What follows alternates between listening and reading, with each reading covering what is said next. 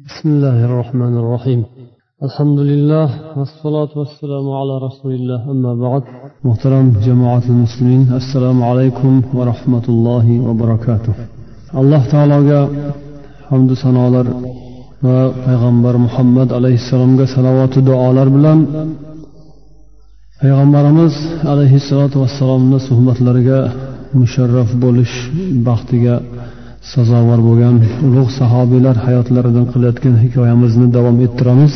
Bugun sizlarga rasululloh sollallohu alayhi vasallamga alloh taologa payg'ambarga boshqalarga qaraganda ham avvalroq ertaroq iymon keltirgan ulug' sahobiylardan birlari abdulloh ibn jahsh haqlarida ma'lumot beramiz. Bu kishi o'zlari rasululloh sollallohu alayhi vasallamga qarindosh ham bo'lgandilar. Ya'ni payg'ambar alayhissalomni ammalarini o'g'illari bo'lgan ekanlar. Shu bilan bir qatorda payg'ambar alayhissalotu vassalomga u kishi qaynog'a ham bo'ladilar. Chunki keyinchalik u kishining singillari zaynab binti jahshni rasululloh sollallohu alayhi vasallam o'zlariga jufti halollikka qabul qilganlar. Bu kishini singillari ummahatul mo'minindan ya'ni mo'min musulmonlarni onalaridan hisoblanadilar. Bu abdulloh bin jahsh islom tarixida birinchi bo'lib askar tuzib kofirlarga dushmanlarga qarshi birinchi bor amaliya o'tkazilgan kishilardan hisoblanadilar. Payg'ambar alayhissalotu vassalom eng og'ir holatlarini islom dini og'ir bir soatlarini boshidan kechirayotgan vaqtida bu kishi islomga kelganlar. Keyin xabarlaringiz bor avvalida habashaga hijrat qilindi. Ya'ni makkada turish nihoyatda qiyinlashib ketgandan keyin kofirlarni aziyatlari zararlari juda ko'payib ketgandan keyin mo'min musulmonlarga rasululloh sollallohu alayhi vasallam habashaga hijrat qilishga ijozat bergan edilar. Mana shu abdulloh bin jahsh ham habashaga hijrat qilganlardan edilar. Undan keyin esa hijrat asosiy hijrat madinaga payg'ambarni sharaflariga madinatur rasul ya'ni payg'ambar shahri deb nomlangan madina munavvaraga keyinchalik hijrat bo'ldi. Bunda ham bu kishi birinchilar qatorida madinaga ko'chib hijrat qilib ketdilar. Hijrat qilganlarni ichlarida turli xil tabaqa vakillari bor edilar. Boy badavlat odamlar ham bo'lishgan. Hali ba'zi bir tarixchi ba'zi bir kishilarni hikoyalariga qaraganda muhammad alayhissalomga iymon keltirganlarning hammasi ham kambag'al hammasi ham qul hech narsasi yo'qligidan payg'ambarga iymon keltirgan emas edilar. Ba'zilar ko'pirtirib ayniqsa dinsiz tarixchilar islom tarixi haqida gapirgan vaqtlarida muhammadga nuqul qullar kambag'allar muhtojlar boylarda alami bo'lganlar shu amaldorlarga mushtini tugib hap senimi deb yurganlar amaldor zodagon boy badavlatlardan ko'p aziyat chekkanlar musulmon bo'ldi deb bu islomni bir tomonlama boshqacha tushuntirishga harakat qilishadi. Holbuki haqiqatan ham kambag'allar qullar rasululloh sollallohu alayhi vasallamga ko'plab iymon keltirganlar ammo ularni ichlarida boy badavlat kishilar ham bo'lganlar.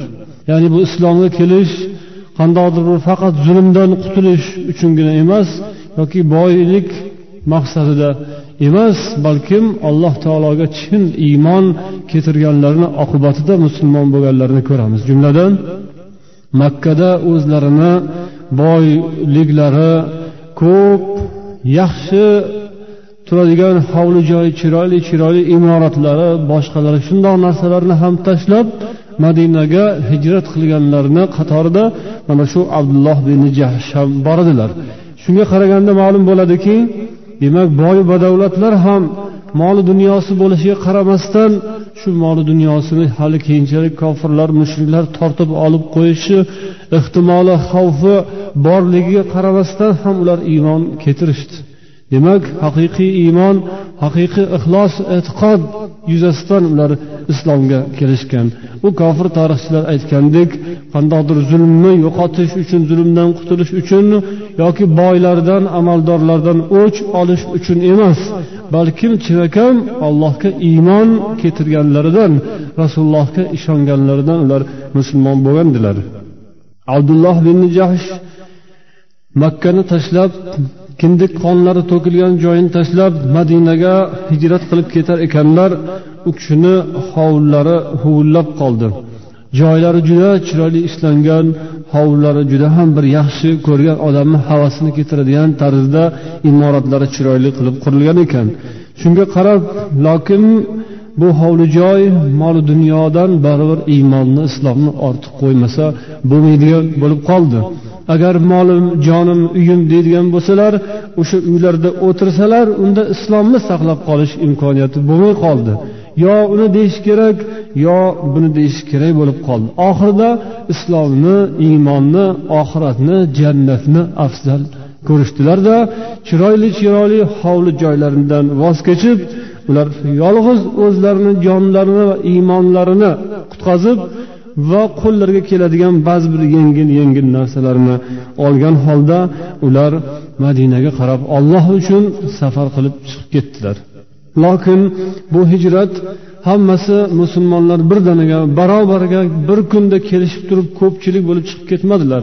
Agar shundoq qilishganda unda mushriklar vahimaga tushib qo'rqib ketib balkim bularni yo'llarini to'sib yoki boshqa bir hiyla ishlatishlari ham mumkinligi uchun ular bildirmasdan bitta bitta sekin sekinlik bilan yakka yakka makkadan chiqib keta boshlashdi. Lokin buni xabari baribir mushriklarni quloqlariga yetib turardi. Falon joyda bir falonchi yo'q bo'lib qolibdi piston mahalladan falonchi ketib qolibdi. Falonchi madinaga yasribga ko'chib ketibdi degan xabarlarni akkam dukkam onda sonda eshitilib turardi. Buni eshitganlaridan keyin makka mushriklarini kattalari shaharni qishloqni mahalla mahallalarni aylanishardi. Kim ketdiyu kim qoldi? Kimni uyi bo'shab qoldi?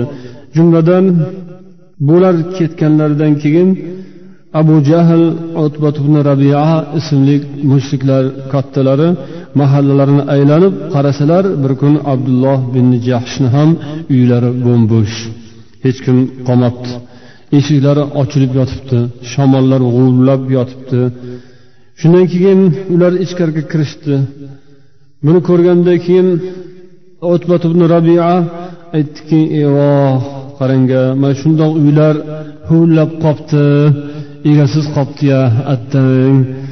Bu uylar egasiga yig'layapti hozir.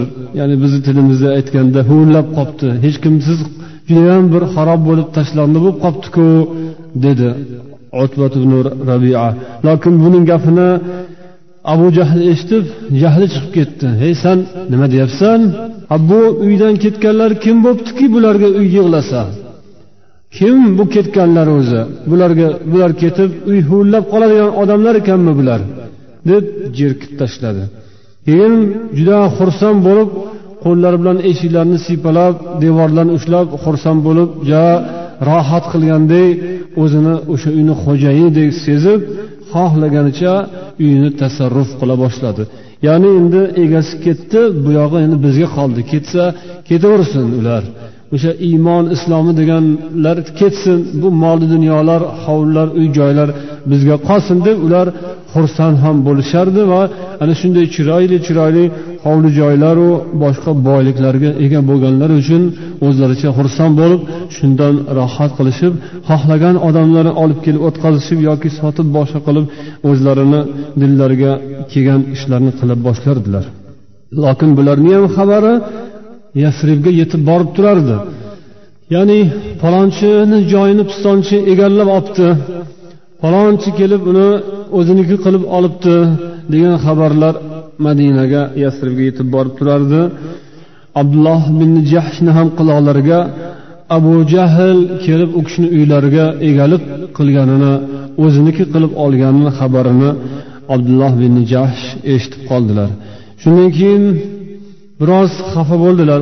Chunki har holda bu hovli joy bo'lsin yoki imorat boylik boshqa narsalar bo'lsin mo'min musulmon odam buni halol peshona teri bilan topgan mehnat qilib topgan har holda mehnatiga ozgina bo'lsa ham achinishi bo'ladi. Shunda u kishi achingan navo bo'lib xafa bo'lib rasululloh sollallohu alayhi vasallamni oldilariga kelib eshitgan gaplarini aytdilar. Ya'ni shunaqa biz ketgandan keyin bizni uy joylarimizga abu jahl kelib egalik qilyotibdi ekan xo'jayinlik qilyotibdi ekan degan so'zlarni aytganlarida payg'ambar sollallohu alayhi vasallam dedilarki ala tardo ya abdulloh an yu'tiyakallohu biha daran fil jannati? Ey abdulloh o'sha sen makkada qoldirib kelgan bir uyingni o'rniga alloh taolo senga jannatdan bir uy bersa shunga rozi emasmisan? dedilar. Shundan keyin yo rasululloh bala ya rasululloh bo'ldi. Yo rasululloh man roziman shunga deb u kishi butunlay endi ikkinchi marotaba makkada qoldirib kelgan uylari haqida so'z ochmadilar. Ya'ni haqiqiy maqsad mohiyat nimadan iborat edi bu yerda? Shunday moli dunyodan voz kechish o'zi boshida nima uchun bo'lgan edi? Jannat uchun bo'lgan edida. Allohni roziligi uchun bo'lgan edida. Shundoq bo'lgandan keyin endi unga achinish bo'lmaslik kerak. Endi u qo'ldan chiqib ketgan bo'lsa u judayam bir aziz mukarram narsa dunyoda insonning hayotida eng ulug' eng bir hech narsaga topib bo'lmaydigan qimmatbaho narsa chiqib ketmadiku axir. Mo'min uchun musulmon uchun nima? Eng aziz eng ulug' eng bir bebaho narsa bu jannat. Bu ollohning roziligi. Shundoq bo'lgandan keyin bu dunyoga sal yuqoriroqdan turib nazar solish kerak bo'ladi. Balkim pastga tushib olib dunyoni yonida o'tirib olib yonma yon bo'lib o'sha dunyoga barobar turib nazar solinadigan bo'lsa unda undan yuqoriroqda bo'lgan oliyroqda ustunroqda bo'lgan jannatga insonni nazari yetmay qoladi. Unda uni idrok qila olmay qoladiku. Rasulullohni shu bir og'iz so'zlari senga o'sha makkada tashlab kelgan chiroyli uyingni o'rniga alloh jannatdan bir uy bersa shunga shunga rozi emasmisan degan so'zlarini o'zi kifoya qildi. Mo'minlar musulmonlar madinada demak hayotlari o'zgacha bir tarzda davom etdi. Madinada islomiy bir jamiyat muhit yuzaga keldi. Musulmonlar mo'minlar osoyishtalikda xotirjamlikda robbilari parvardigorlarini buyrug'ini hech qanday bir xatarsiz hech qanday bir qarshiliksiz iymon islom chaqirig'ini ado etish bilan umr o'tkazardilar. Ammo hali bu ham hammasi emas edi.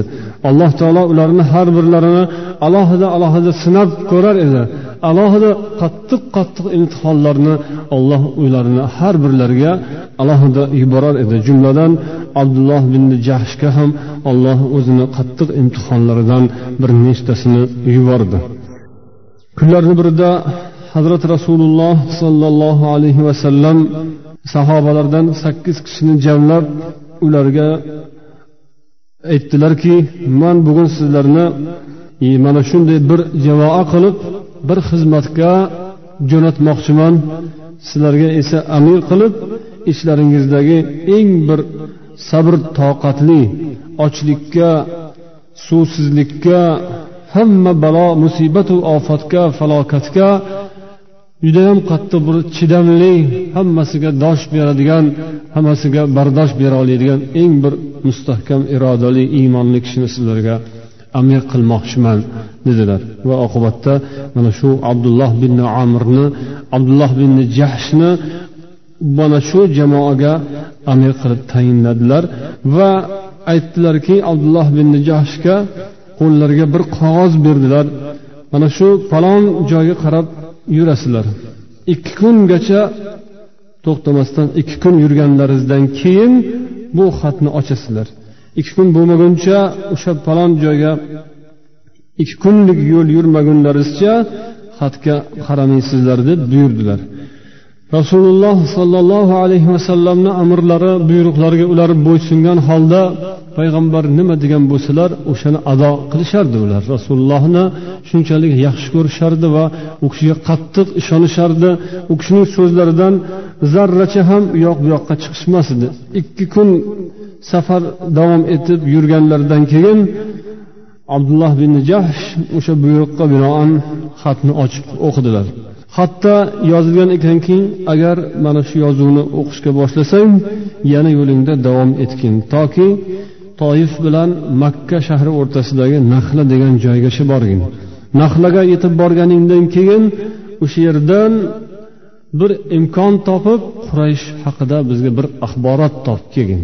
Quraysh qani u yerda nimalar makkada musulmonlar haqida nimalar o'ylayotibdiyu nima ishlar qilishmoqchi ular nima tayyorgarliklari bor biz haqimizda ular nima deyatibdilar nima ishlarni choralarni tadbirlarni qanday ishlarni amalga oshirmoqchilar degan yozuv bor ekan. Ya'ni mo'minlik musulmonlik shunday bir xotirjamlik emas ekan. Mo'minlik musulmonlik juda bir anqovlik judayam bir oyoq qo'lni bemalol uzatib yotadigan ish emas ekan. Ya'ni bu yo'l uzoq davom etadigan bir safar to jannatga eson omon yetib olgunga qadar yo'lda ancha muncha ishlar bo'lishi mumkin ekan. Bu payg'ambar mavjud bo'lib turganlarida ham shundoq ekan. Hali musulmonlarni ishlari yurishib turganda ham o'shandoq ekanki demak doim hushyorlik ehtiyotkorlik zarur ekan. Payg'ambar alayhissalotu vassalom doimo atrofdan boxabar bo'lib turardilar.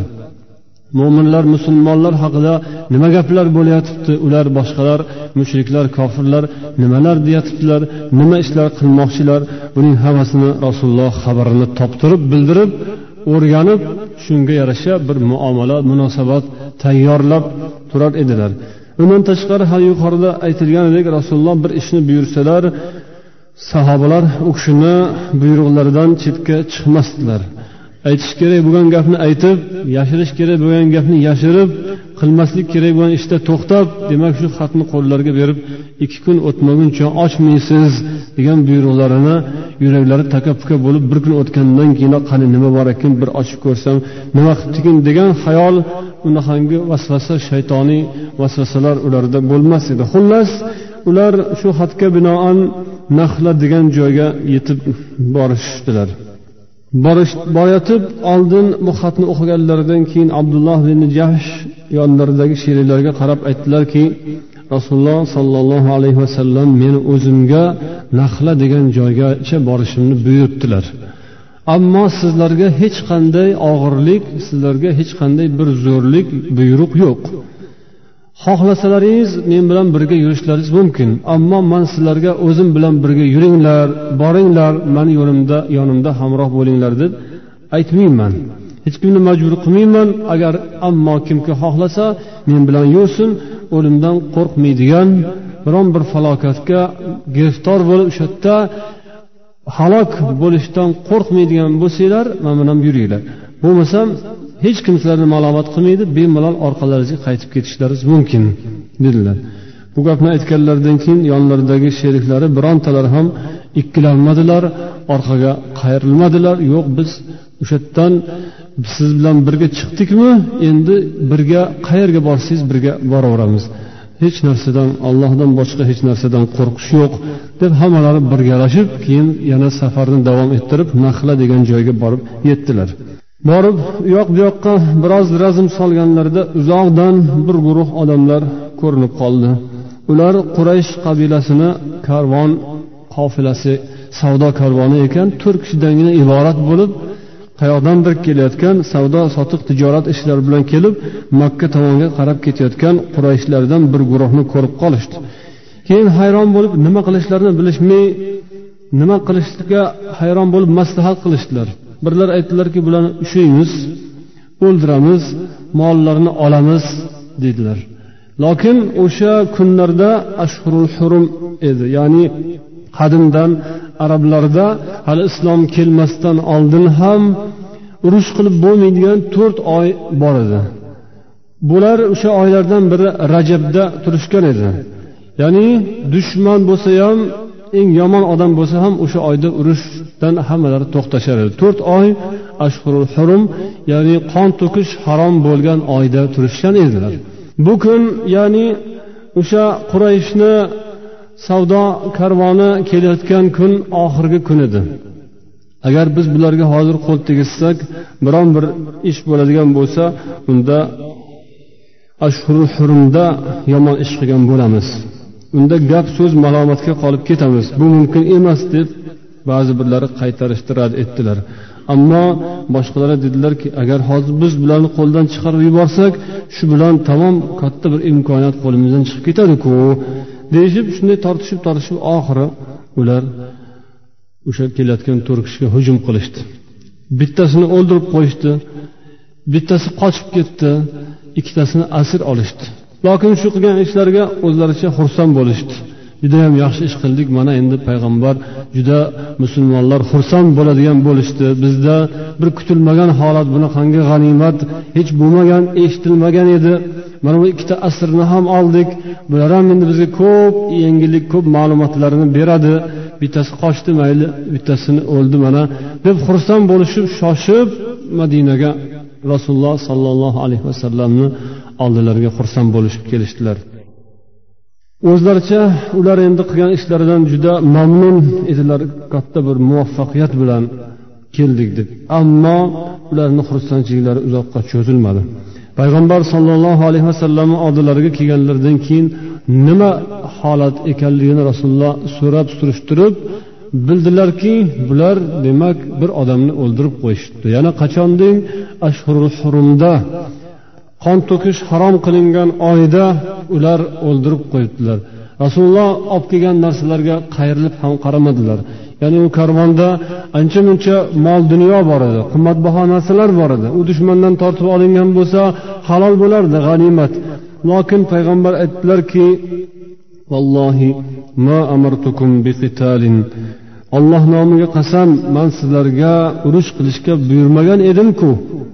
sizlarga man odam o'ldirishni buyurgan emasdimku وإنما أمرتكم أن تقفوا على أخبار قريش وأن ترصدوا حركتها man faqat sizlarga qurayshdan biron bir ma'lumot olib kelinglar ulardan bir axborot ulardan biron bir sirlari bo'lsa bilib kelinglar degan edim xolos sizlar aytilmagan ishni qilibsizlar buyurilmagan ishni qilibsizlar deb ulardan juda ham qattiq xafa bo'ldilar olib kelgan narsalarga qayrilib qaramadilar ham Endi ikkita asr masalasida esa biroz tavaqquf qilib to'xtab qoldilar. Shundan keyin haligi kelganlarni xursandchiliklari tamom bo'lib orzu umidlari chil chil sinib hammalari xuddi boshlariga chaqmoq urganday holatga tushib o'zlarini yo'qotib qo'yishdilar. Chunki birdaniga xursandchilikdan ketib juda ham qattiq xafachilikka aylanib ketdi. Uning ustiga kimni xafa qilishdi? Oddiy bir musulmonni emas chunki butun orzu umidlari bo'lgan qandoq qilsak bizdan xursand bo'larkinlar qandoq qilsak bizdan rozi bo'larkinlar butun olam insonlarni ulug'i bo'lgan hazrati rasululloh sollallohu alayhi vasallamni xafa qilib qo'yishdi.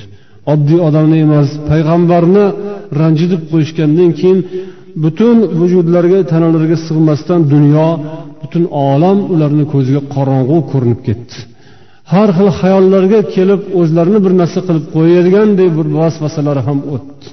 Lokin nima qilishlarini bilmasdan na u yoq na bu yoq bo'lolmasdan uzoq vaqt bular qattiq bir shunday sinovda imtihonda qolishdilar. Hamma musulmonlar kelishib e, gap aytishib orqadan uzoqdan u yoqdan bu yoqdan mana bular payg'ambar sollallohu alayhi vasallamni buyruqlarini bajarolmagan odamlar bular. Rasulullohni xafa qilgan odamlar bular. Bular payg'ambarga ko'p azob berishdi bular degan gaplar ko'payib ketdi va bu gaplar borib mushriklarni ham quloqlariga yetib makkada ham shunday shov shuv gap so'zlar tarqalib muhammad qon to'kish harom qilingan oyda odam o'ldirdi. Mana musulmonlarning qilgan ishlari mana bular sizlarga aftu basharasi mana sizlar musulmonlarni kim deb yuribsizlar musulmon mana shunaqa bo'ladi payg'ambar muhammad shunaqa odam deb butun atrofga jar solib kofirlar mushriklar el o'rtasida musulmonlarni obro'sini to'kishga qattiq harakat qilib qabilalar o'rtasida yomon gaplarni tarqatib yubordilar. Demak ma'lumki rasululloh bundan qattiq ranjidilar ozor topdilar. U kishi ham xafaliklaridan biron bir so'z aytmasdan qattiq hijolatlikda musulmonlarning hammalarini ko'z o'ngilari qorong'ulashib hammalari nima qilishni bilmasdan ancha kungacha xuddi bir motamdek xuddi bir qattiq bir balo ofat musibat yog'ilgandek davom etib boshladi. Lokin bir necha kun o'tgandan keyin ular yana boshqatdan xursandchilik keldi.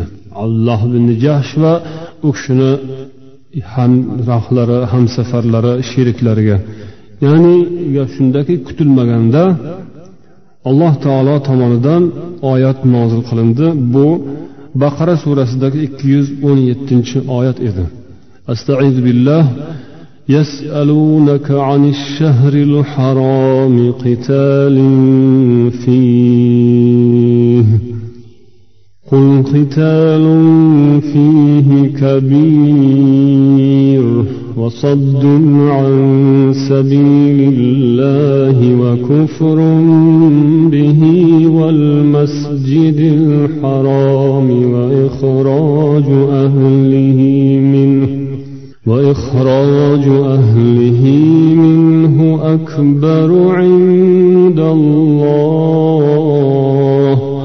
والفتنة أكبر من القتل. أي محمد؟ sizdan ashhurul harom shahrul harom qon to'kish birovga aziyat berish harom qilingan oy haqida va ana shu oyda urush qilib odam o'ldirish haqida sizdan so'raydilar. Ularga aytingki ana shu urush harom qilingan oyda qon to'kish urush qilish bu katta yomon gunohdir.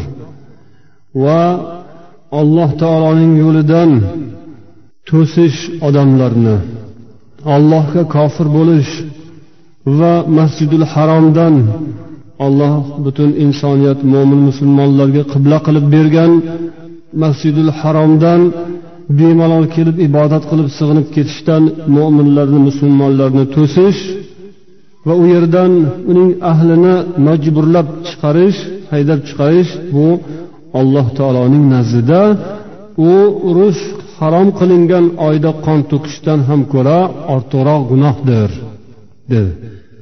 Fitna buzg'unchilik ig'vo bu odam o'ldirishdan ham ko'ra yomonroqdir degan oyatlar nozil bo'ldi. Ya'ni u kofirlar mushriklar shu bir xatoni ushlab olib musulmonlarni ustida do'mbira qilib butun dunyoga jar solib musulmon undoq qildi islom mana bundoq qildi bular ana bundoq ekstremizm bular mana bundoq fanatizm deb butun olamga jar solishni yaxshi ko'radiyu. Musulmonlarni demakki bir shunday xato kamchiliklari qasddan emas bir xatoan sodir bo'lib qolgan noto'g'ri ishni aytishadiku lokin ularni o'zlari qilayotgan ishlari hech qanday qoidaga hech qanday bir doiraga sig'maydigan ish. Ularni qilgan ishi hammasidan ham yomon. Ya'ni ular ollohni yo'lidan to'sishdi. Alloh taologa sig'inaman deganlarni o'ldirishdi. Ularga turli xil ig'vo fitna fasodlarni tinmasdan tindirmasdan davom ettirishyotibdi. Masjidul haromdan kabatullohdan odamlarni iloji boricha to'sishadi yuborishmaydi. Yo'llarda har xil g'ovlarni to'siqlarni paydo qilishadi. Mana bu ishlari odam o'ldirishdan ham ko'ra yomonroq. Qattiqroq gunohdir. Fitna buzg'unchilik ig'vo ular tomonidan mushrik kofirlar tomonidan qilinadigan ig'vo fitna fasodlar bu odam o'ldirishdan ham ko'ra yomonroq gunohdir degan oyatlar nozil bo'lib bu bilan o'sha abdulloh bin jahshni ishini alloh taoloning o'zi oqladi. Bu oyatlar nozil bo'lgandan keyin rasululloh nimadir dedilar ya'ni bu dinning egasi olloh birovni oqlab qoralash bu demak ollohning ixtiyorida ekan. Alloh taolo o'zi bularni haqida bu oyatlarni nozil qilgandan keyin rasulullohning sollallohu alayhi vasallamning qalblari tinchlanib ko'nglari xotirjam bo'lib keyin ularni o'sha olib kelgan g'animatlarni qabul qilib oldilar va asirlarni yana o'sha mushuklar kofirlar makkadan kelganlarni moli dunyosiga almashtirildi. Ya'ni asirlarni sotib olish mumkin edi. Asirlarni shunday qilib ular egalari olib ketdilar. Ammo u o'ldirilgan kishilar esa demak islom tarixida birinchi marotaba o'ldirilgan kishilar bo'lishdi. Ularning g'animatlari ham ana shunday bo'ldi. Asirlar ham islom tarixida musulmonlar tomonidan birinchi marotaba olingan asir bo'ldi.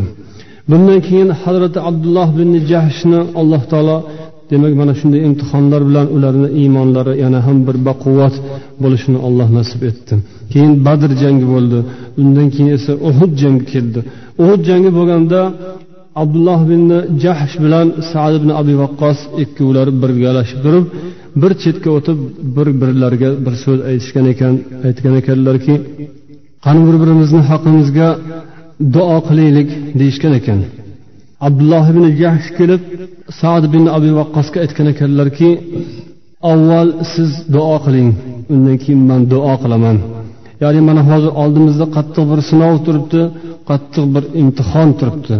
Alloh taolodan mana shu ma'rakaga bu jangga mana shu imtihonga kirishdan oldin bir duo qilib o'zimizni haqqimizga allohdan bir so'raylik tilaklarimizni. Oldin siz birinchi bo'lib duo qiling deb abdulloh ibn jahsh sad abi vaqqosga aytgan ekanlar.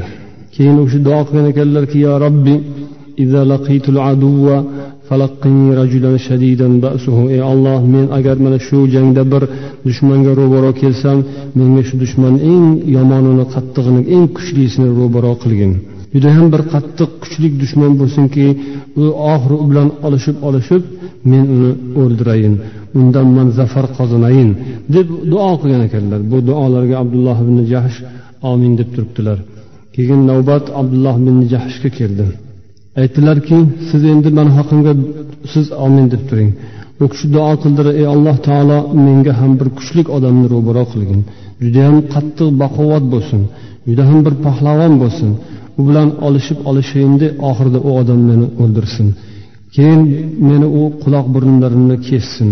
Ilohim ertangi qiyomat kunida borganimda mana shunday ahvolimda man seni huzuringda tirilayin sen mendan so'raginki ey bandam nega quloqlaring burunlaring kesildi? Nega bu ahvolda kelding deb mendan so'ragin. O'shanda man aytayinki yo olloh man sen uchun shu ahvolga tushdim. Va seni payg'ambaring uchun seni dining iymon islom uchun shu holatimga shu holatga tushdim deb man senga shunday davo bilan shunday bir so'z bilan mana shunday bir hujjat bilan borayin sani huzuringga deb u man u judayam bir duoda boshqacha duo qildi. Uning duosi menikidan ham yaxshiroq menikidan ham haqiqiyroq duo bo'ldi. Lokin o'sha kuni kechki payt man ko'rdim u haqiqatan abdulloh bin jahsh dushman tomonidan o'ldirildi. Uning quloqlari uni burunlarini kesilganini ko'rdim. Ular dushmanlar uni quloq burnini kesib daraxtni shoxiga ilib ketgan ekanliklarini ko'rdim deb keyinchalik rivoyat qiladilar. Alloh taolo bularni duolarini qabul etdi. Din uchun musulmonlik uchun ularni mehnatlari harakatlari jihodlari qiyinchilik mashaqqatlarini alloh o'zlariga ikki dunyoda alloh ularga izzat ikrom qildi. Oxiratda ham parvardigor olam ularga hozirda ham go'rlariga ham oxiratda ham alloh ularga o'zi savoblarini ajr mukofot roziliklarini nasib etsin. Hazrati payg'ambar sollallohu alayhi vasallam abdulloh bin jahsh bilan hamza bin abdul muttalibni ikkovlarini bir qabrga dafn qilgan ekanlar.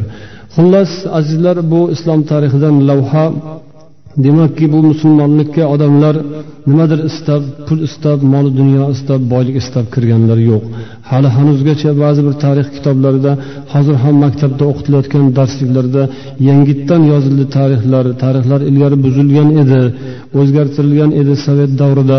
Hozir endi esimiz kirdi endi odam bo'ldik endi insofga kelib endi to'g'ri gapiradigan bo'ldik deb yozilgan tarixlarni qarasangiz o'sha o'sha alixo'ja valixo'ja hech narsa o'zgargan emas balki musulmonlik bu boylik to'plash uchun.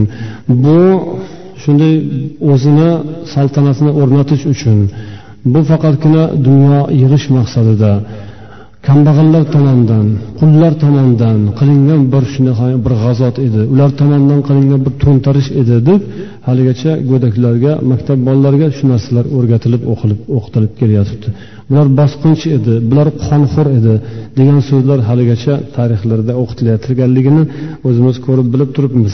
Lokin baribir alloh taoloning tomonidan tushirilgan haqiqat haqiqatligicha qolaveradi. Lokin uni ozroq odam biladi yo ko'proq odam biladi bunisi har zamonda har xil bo'ladi. Har holda siz bilan biz bor gapni to'g'risini haqiqatni tushunadigan bo'lishimiz o'zimiz uchun foyda. Dinimiz musulmonligimiz qanday yuzaga keldi? Bu yo'lda qanday mashaqqatlar chekdilar hammasi olloh uchun xudo uchun bo'ldi. Alloh taolo siz bilan bizni ham o'zi to'g'ri haq yo'lni topib allohning roziligi uchun hayot kechirishimizni o'zi nasib etsin. Sizlarga ba'zi bir ma'lumotlar e'lonlarni eshittirib qo'ymoqchimiz. Hajga yoki bo'lmasam umraga borishga niyat qilgan mo'ljallagan odamlar bo'lsanglar oldinroqdan boshlab harakat qilishlaringiz lozim ekan. Hajga bormoqchi odamlar hozirgi kelayotgan ma'lumotlarga qaraganda bu yilgi hajni safarini xarajatlari besh yuz dollar yana samolyotni bileti bilan cheklanadi degan so'zlarni aytishyotibdi. Agar bunga bormoqchi haj safariga bormoqchi odamlar bo'lsalar ertaroqdan oldinroqdan harakat qilib diniy qo'mitaga ariza berishlaringiz kerak bo'lar ekan. Umraga bormoqchi bo'lgan odamlarga ham mana shu ma'lumot ya'ni ularni ham diniy qo'mitaga murojaat qilishlari kerak bo'lar ekan. Agar umraga borishmoqchi bo'lsa mana shu noyabr oyigacha arizalar qabul qilinib hamma hujjatlari tayyor bo'lishi kerak ekan. Ertaroqdan xohlaganlar ertaroqdan harakatlarini qilib qolishsin. Bir opamizni boshlariga bir musibat tushib o'g'illari hibsxonada mahbus bo'lgan ekanlar. Bir jinoyatga qo'l urib endi u yog'ini alloh taoloni o'zi biladi faqat shu onaxon opamiz judayam qattiq iztirobda qattiq bir qiynalib yuribdilar sizlardan duo umidida ekanlar. Alloh taolo o'sha onamizga o'sha onaxonga bir yengillik berib u kishini alloh taolo musibatdan kulfatdan qutqarishini allohni o'zidan so'rab qolamiz. Yana birlar yozadilarki ba'zi bir xonadonlarda uylarida e, piyola choynaklarni har xil belgilar paydo bo'lib qolayotgan degan gaplar juda ko'p tarqab ketdi. Shunga nima deb javob berish kerak? Bunaqa gaplar birinchi marta bo'layotgani yo'q. Har tarqagan gapga qarab quloq solaveradigan bo'lsa odam ham ancha vaqtini bekor ketkazib o'zi ham adashib qolishi mumkin. Ba'zi birovlar aytishadiki u hamma piyolada bor narsa o'sha chinni zavoddan yozib chiqarilayotgan belgilarni odamlar bir biriga vahima qilib vasvasaga mubtalo bo'lganlar o'zi oldindan yozilgan o'sha chinni zavodda yozib qo'yganlarni yozuvini jinlar yozib ketibdi kimlardir yozib ketibdi deb shunday gaplar tarqatib yurishyapti deydilar. Yozib ketganmi yozib ketmaganmi uni chinni zavoddagilar yozganmi yoki jinlar yozganmi? Unisidan qat'iy nazar mo'min musulmon odam bunaqa narsalarga anqovsirab shunday xabarlarni ketidan e, ketib shuni ham gap deb deylik hozir biz ham shu yerda buni gapirmasak ham bo'lardiku lokin endi ko'p odam shuni hadeb so'rayvergandan demoqchi bo'lganimiz bunaqa gaplarga e'tibor bermaslik kerak. Bunaqa vasvasalar mish mishlar musulmon odamlarga yarashmaydi.